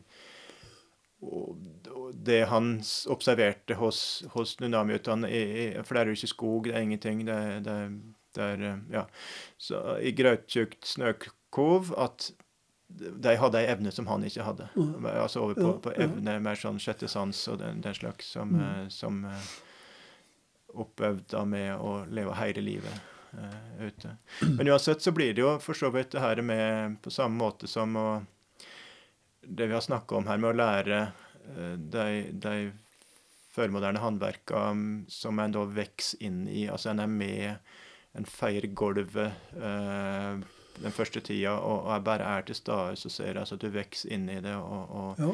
tar til deg veldig mye som du ikke har tenkt over engang. Mhm. Så ellers er det Det det minner mest om i det, dagens pedagogikk som jeg kjenner, det er det som en kaller for um, eh, problemorientert undervisning. Og det går på at en eh, At læreren er eh, rettleier. Altså det, læreren formulerer et problem som eh, Mm. elevene skal løse. Og så må studentene sjølve, eller elevene, eh, på egen hånd eller sjølve finne fram til hva de trenger å finne ut for å løse det problemet. Og så, ja, så veldig, veldig sjølstendig, og, og læreren er bare sånn tilgjengelig som rettleier hvis de, hvis de trenger å det er en veldig arbeidsbarende måte for, for, for læreren. Men, eh, men har jo eh, ja, veldig nyttig da for å utvikle helt andre ting eh, enn en, den her overausings... Eller veldig tilrettelagte pedagogikken som, som vi har veldig mye. Ellers må jeg nevne noe som jeg har vært borti eh, det var altså Ikke i skolesammenheng, men det var da jeg tok telemarkinstruktørkurs. Altså kurs i å instruere en telemarksving, telemarkkjøring, for eh, ja, det var i 1995. Eh, Så instruktøren der snakka om overinstruksjon. Det måtte vi passe oss for. Å ja. Det Ja. var artig ord. Yep. Og da var det nettopp altså at jo, for all del forklare. Forklare, forklare, instruere. Det var instruksjonen vi skulle lære. Men eh, det blir spesielt merkbart når det er du skal Altså instruksiteknikk, eh, den slags, er veldig fysisk. Eh, og da Ja, poenget var du skulle si at i prinsippet to setninger til eleven. Nå gjorde du sånn. Prøv å gjøre sånn. Og så skulle en bare teipe igjen kjeften. Da skulle jeg ikke si mer. Alt utover de to setningene ville gjøre instruksjonen dårligere. Da ville en eh, eh, bare tynne ut poenget, eller altså drukne poenget i, i andre ting. Så, eh, det var det med overinstruksjon. Så det er jo um, iallfall at den er obs... Men du kan si det som du skisserer, da, med, med hemmelighold som pedagogisk prinsipp. Kan en si at det er ekstremvarianten av, eh, av det? En bare opp, gjort så, samme observasjon, og så har en gått ti steg lenger. Ja, det er hjemme i samme løypa. Ja. Absolutt. Så da er det bare snakk om eh, Altså, det å spinne, det var da eh, noe som var en livsnødvendighet. ja. Slik at det var liksom det ved det. Når du Mm. renner telemarksving i dag, så er det for å ha det moro. ja. Eh, Det er en, så det er liksom det er noe med rammene rundt det som er Mm. litt forskjellig. Mm. Eh, Men, eh, men dette gjør at du se, ser, og så øver, og ser og øver. Det vil være akkurat det samme. Mm. Og, og altså når det gjelder en telemarksving, da, så er det noe du kjenner i kroppen. Mm. Du må liksom oppdage den kjensla. Mm. Og Ja. og den, den finner du ved å prøve. Mm. Og det er vel nokså parallelt. Mm. Altså du finner akkurat stramminger på tråden Mm. ved å kjenne etter hvordan det var når det gikk bra. Og uansett felles altså at nei, det er ikke sånn at eleven lærer mer dess, dess mer du forklarer. Nei, det er ikke Nei. det, er ikke, det, er ikke det det ligger. Ja. eh, For, fordi at eh, Ja. Når vi skulle sinke på sløyden ja, så fe- felle sammen i hjørna tre, tre Ja, hjørner med ja. tre, tre, laga tre tapper som det feller inn i hverandre. Ja. Og da eh, er det noe brøk og, og så videre der. Mm. Og, og så noen oppstrekinger. Mm. Men så skal du saga ut det der slik at det passer. Mm. Og da vil det være fullstendig overforklaring hvis du kan liksom forklare hele tida. Vedkommende må erfare at hvis Mm. du er på feil side av blyantstreken, så Mm. blir det feil. Yeah. Det yeah. må vedkommende få lov til. Og det altså å ha som lærer å ha tålmodigheten til at det er lovlig å gjøre feil. Mm. For det er av Mm. feilen ofte lærer, da. ja. Men det er Ja. Og du, du, må jo ha tålmodighet og tid til og rom for. For nettopp ved å da feile, så skjønner du kanskje også en sammenheng Mm. med hvorfor det gikk galt. Ja. Men da er vi tilbake til det med om dette er en pedagogikk som krever god tid eller ikke. Og da er det vil kanskje Somme mene at nei, det må gå an å lære det uten at en gjør de feilene. um, Men kanskje er det ikke det. Kanskje må en eh, Kanskje er det helt grunnleggende sånn at det er eh, feiling er nødvendig for å, for å lære. Ja, det eh, Det er noen ting som er for dyrt å erfare, da. Ja. Men jeg vil si det at jeg kjenner kølsegler, og det lærte jeg veldig mye av. Ja. ja. Det Ja, nei da. Det må en, eh, det må en jo tilpasse. og Det har en jo funnet fram til i, i sånne eh, simulatorer. Flygerne, de, de Ja, eh, ja. slipper å det, det er veldig lærerikt med krasjlanding og sånt, men det er jo litt kostbart. Så, Det er litt kostbart. ja, men det har de simulatorene der det kan gjøre det. Ja, og det er klart Få, det få det inn i kroppen uten å gjøre det på ordentlig. Det er Ja. ganske snedig. Ja.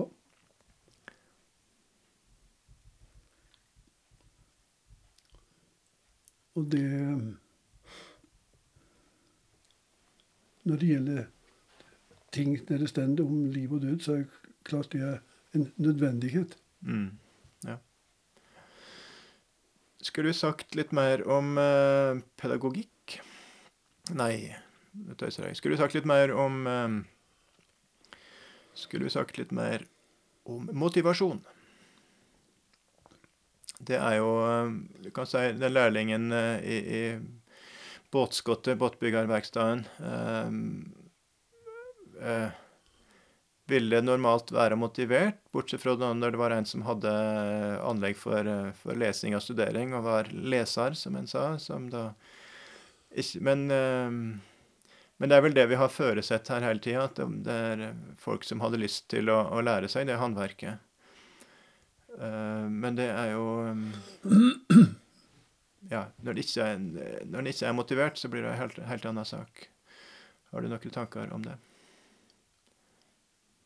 Eh, Ja, omtrent det som du nå legger inn i spørsmålet. At Ja, okay. eh, altså uten motivasjon, Mm. eller negativ motivasjon, Ja. så er det da Ja, så lærer du rett og slett mye dårligere. Ja. Og det vil si det samme som at eh, det er vel en god del sammenheng med at vi har lite praktisk opplæring i, for unger i dag, fordi Mm. at det er ikke ting som en er like motivert for. Nei.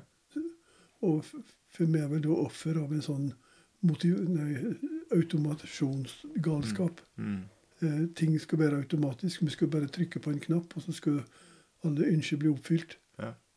Uh, så motivasjonen er en forutsetning. Og sterk motivasjon er en forutsetning. Mm. Uh, og det har vel da i noen grad med sammenhenger å gjøre. At eh, når de klærne du skulle ha på kroppen, ble laga av den ulla som var på de sauene som du hadde i tunet, Mm. så gir det en helt naturlig motivasjon. Du vil, du vil ha klær. Og hvis det da blir snakka om at 'nei, den der genseren, den var fin', Mm. ja, eh, og altså at dette er en del av det som er folkesnakket, og dermed grunnlaget for skikken i området. Mm. Og det vil da gjelde alt. Mm. Ja. Eh, Så dermed så blir da dette her med å bygge opp grunnlag for god motivasjon et sentralt punkt. Og det er kanskje det vanskeligste punktet Ja. i mange sammenhenger. Ja.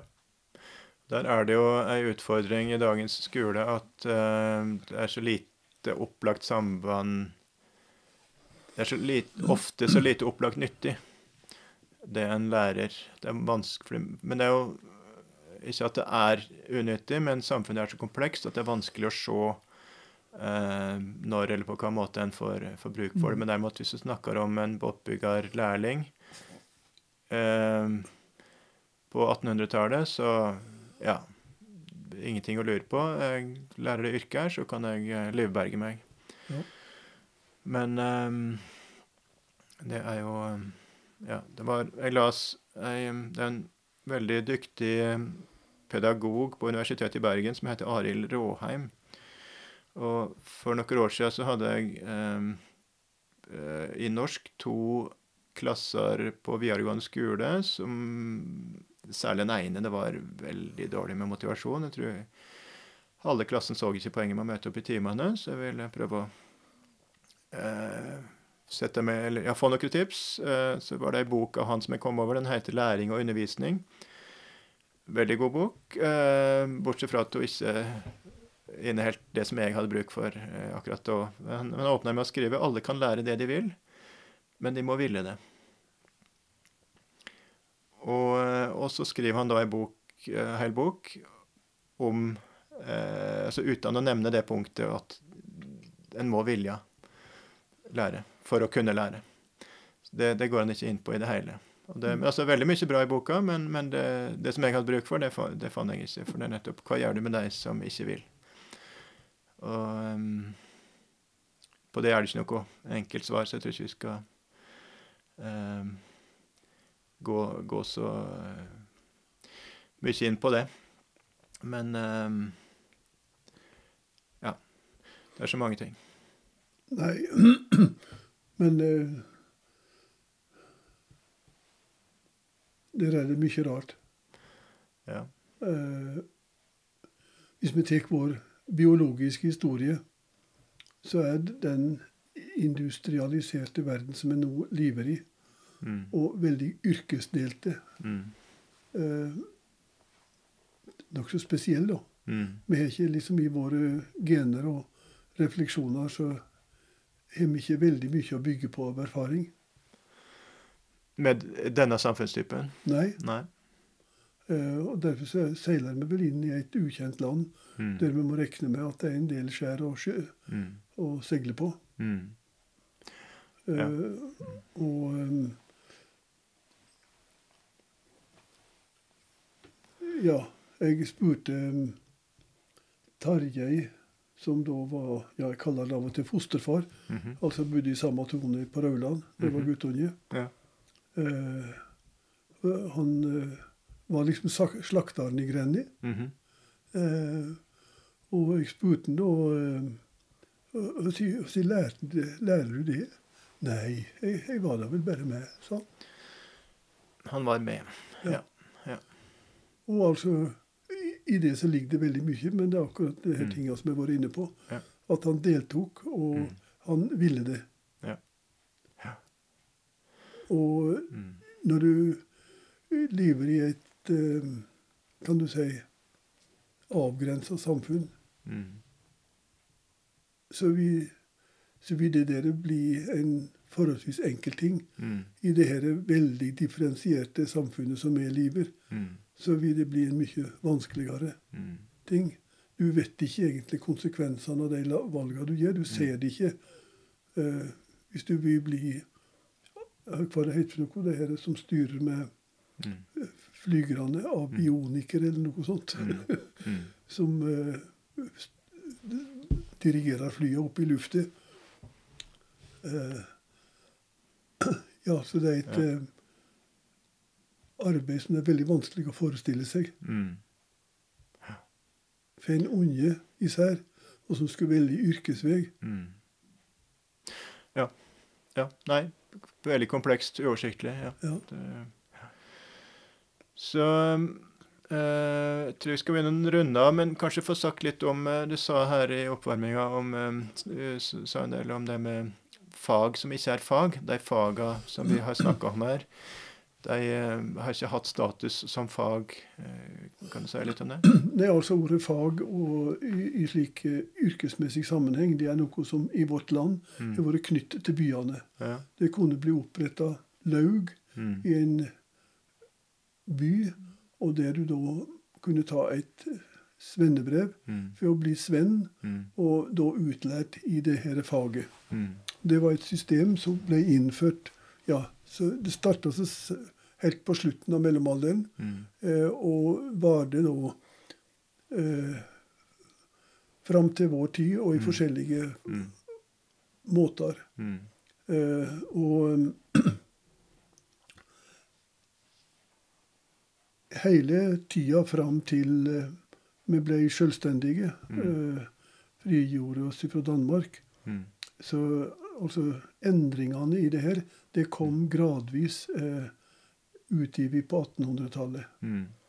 Og det da eh, Det var slik at eh, i den gamle tid òg at alle de her yrkesfagene som var definerte, det var en del av bylovene. Mm. Og det at vi hadde egne bylover og landslover, Mm. det var så sent som når jeg gikk på folkeskolen, for da hadde jeg lov om landsfolkeskolen Ja. Som galt, og mens de som gikk på folkeskolen i by, hadde lov om byfolkeskolen. Ja. Og Dette skarpe skillet mellom by og land det har vi da i veldig høy grad påvirka yrkesstrukturen i Norge. Slik at vi har noen typiske laug som har vært byhåndverk. Mm. Urmaker Mm. eh, var et sånt et. Mm. Eh, mens eh, eh, husbygger på landet, Mm. det var ikke yrke, og er til dels ennå ikke yrke. Lafting er fortsatt ikke yrke. Nei, knuttimring. Ja. Eh. Så, så det er da en uh, del av vår historie Mm. som er både litt merkelig og også litt tungvint Mm. i dag. Fordi at til de her aktivitetene på bygdene Mm.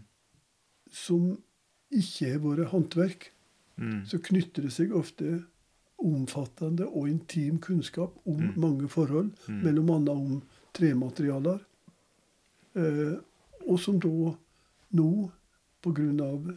raske endringer i hele vårt system, Mm. vi har mist veldig mye, Mm. og vi mister stadig vekk mye. Så har vi da hatt system for å plukke opp noe av det her. Og det er da eh, Ja. Jeg tilfeldigvis Men, men, men, altså, men altså Håndverka, faga på bygdene var, øh, hadde Da var det ikke formell opplæring. Det var eh, ikke formell opplæring, men det var opplæring, og den var Opplæring, lang. nemlig sånn som vi har snakka om om her sånn nå. ti års, ti års opplæring Ja, var det du, normale. du var med som, Ja. eh, som han som slakteren, eller båtbyggeren som begynte med å feie Ja. gulvet. Og fikk, ja. Så den typen opplæring, men, men eh, ikke noe som helst formalisert, eh, Nei, og som, nei, eller som nei, styresmaktene regulerte eller Nei, eh, la til rette for eller la seg opp i på noen Nei. måte. Nei. Og av de store aktivitetene i vårt land, Mm. som lafting, så er det fortsatt ikke fag.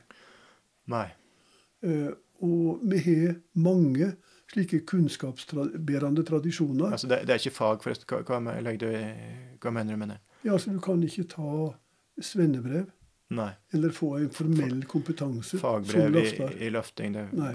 nei. Men det er nettopp, og det er lett å tenke seg at alle det her tradisjonshåndverket, men det er klart at det ikke er fag, for det det, det er ikke økonomisk interessant. Det er bare sånn som du kan uh, ha som hobby, eller eventuelt uh, leve på sveltegrensa med.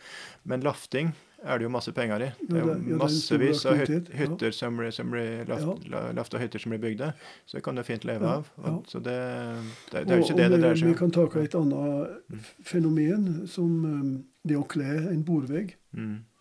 Eh, Der har vi da en løglig variasjon. Mhm. Eh, Der du har hatt noe vi kaller det antiperspektiviske effekter. Du manipulerer med bord som ikke er parallellskårne, -hmm. og som kan legges i mønster på en vegg. Mhm. Og sånn type mønsterlegging har vært en høyt utvikla kunnskap. For den er i virkeligheten ganske avansert. da. Mm. For du, opplever, og du arbeider med en viss manipulasjon av det vi kaller perspektivet. Mm. Dette er en kunnskap som vi også leser i stavkirkene. Ja. F.eks. stavene i Holtålen stavkirke. Aha. Det er tre kvart tom, altså 20 millimeter tjukkere opp enn ned. ja. Men rotenden på stokken er ned. Ok, Så Så det er for å lure perspektivet For å lure perspektivet så er det gjort det slik. Da ser stokken jamtjukk ut fordi at den ikke er det.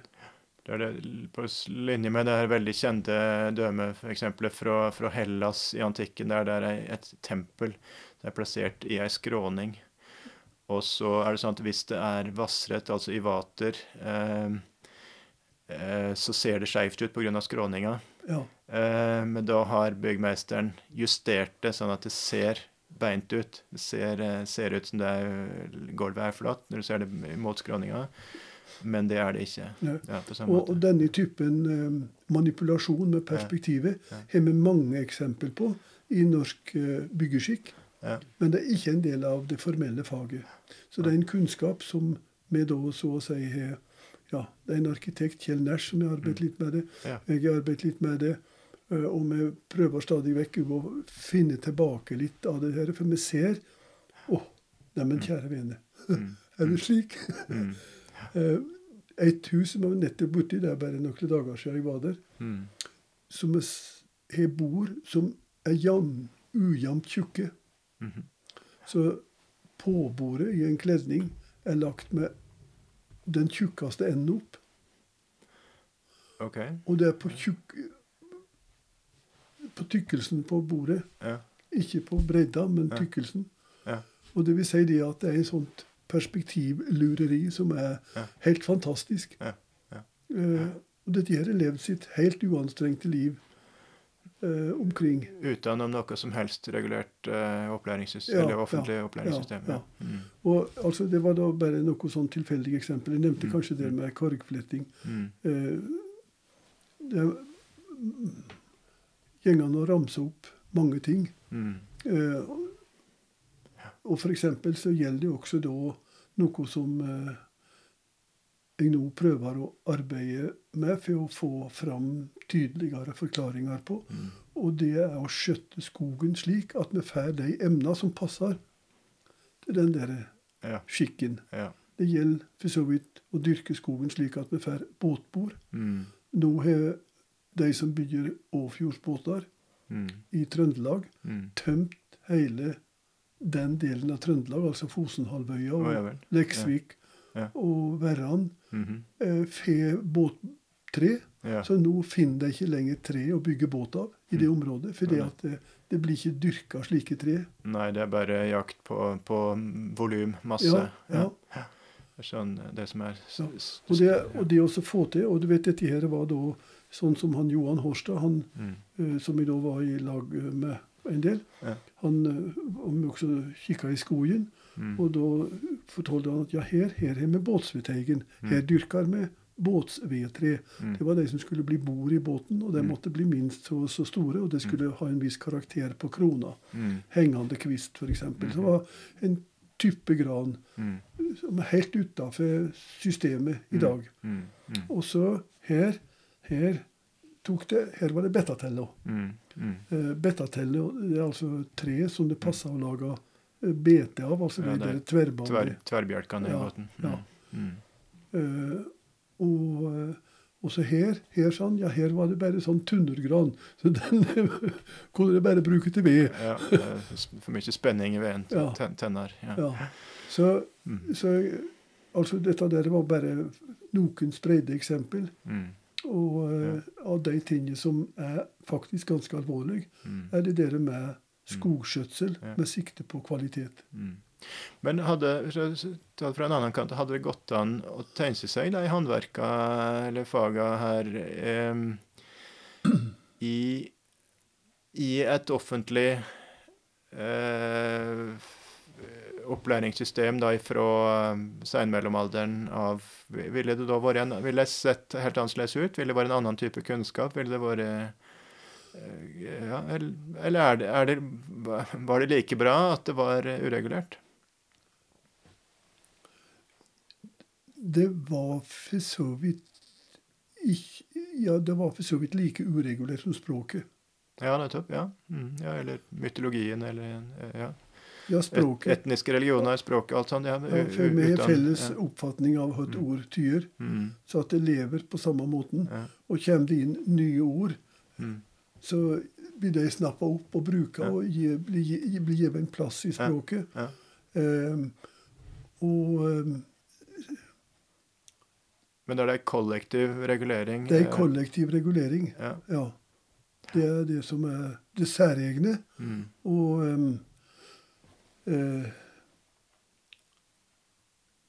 Språket er i rask endring i vår tid. mm, mm, Eh, og ehm, jeg vet ikke riktig hva sin eh, skulle få det til, men iallfall um, Når det blir regelstyrt, så er det et autoritært system. mm, Så folk blir ikke delaktige lenger. mm. Uh, Ja. Nei, det er noe eh, stilig med det. altså sånn Stilig anarkistisk med det. Ja. Det som, det som men, eh, men uansett så tenker jeg at når det nå er slik at samfunnet endrer seg slik at vi klarer ikke å satse på at dette her Mm. lever sitt liv videre fordi at folk går på skole i stedet for å lære noe. Mm. Det er da sånn det, det går på skolen i stedet for å lære. Ja, passe sjikanerende utvalg fra Jon her til, til lærerstanden og samfunnet. Ja. Eller ja. Eh, Mm. Men dermed så mener jeg det at eh, staten pådrar seg et ansvar for å sikre at den kunnskapen, noe som er i ferd med å forsvinne, blir tatt vare på. Mm. Og Det er gjort et stort arbeid med Norsk håndverksinstitutt, og vi har en stipendiatordning der. Mm. Men noen av de her stipendiatene kan gå inn i arbeid fordi at det er løpende arbeidsoppgaver. Mm. Eh, Og noen må kanskje da ha mer status av å være lærer, Mm. eh, og at kunnskapen blir oppbevara ved, ved at du har det som oppdrag. En historiker har som oppdrag å passe på historia.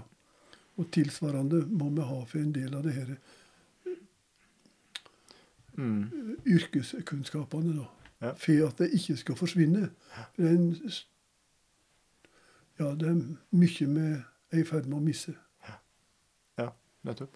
Men eh, et spørsmål forresten er jo hvordan blir disse håndverka lært eh, bort i dag? Eller lært videre i, dag? Eh, nei, uh, altså Einar Borgfjord lærte av Johan Horstad, ja. og sønnen har lært av Einar. Ja. Og en annen har lært av Einar, og er lærer på Fosen folkehøgskole i båtbygging ja. Og Så, videre. så liksom... du mener, at, du mener at det i prinsippet er på samme måten at den er med Men det er jo ikke like mange år en er med, er det det? da? Nei eh, og det, Men spørsmålet er om det er like lang tid for å lære det. Ja. Fordi at eh, eh, Hvor lenge hadde Johan For så, han døde vel i 95, kanskje. Ja. Uh, og da hadde han regelmessig kontakt med Einar i, nede på ti år. ja. Uh, men Mm. det var, det var ikke slik hele tida, dag for dag, men det Mm. var slik at uh, Mm. det var god kontakt. Og så kunne òg da um, Altså Einar fikk anledning til å eksperimentere litt og Mm. prøve litt Mm. Forskjellige ting. Eh, fordi at den tradisjonen som da Johan Mm. hadde med seg, Mm. den var knyttet til slutten på den Mm. tida. Mm. Eh, der eh, det ble bygd slike båter i, Mm. i tradisjon, og store Mm. båter og små Mm. båter og alt det der. Så han hadde, var, dermed så var det behov for å studere de her båtene, måle Mm. båtene, prøve å herme Mm. form Mm. og funksjon, og få det til på den måten. Og det er samme Mm. som vi har gjort nå når det gjelder geitbåten, og der har vi da f.eks. avdekt Vi påstår at vi har gjort det på en skikkelig måte. Avdekt tallkoden. Ja.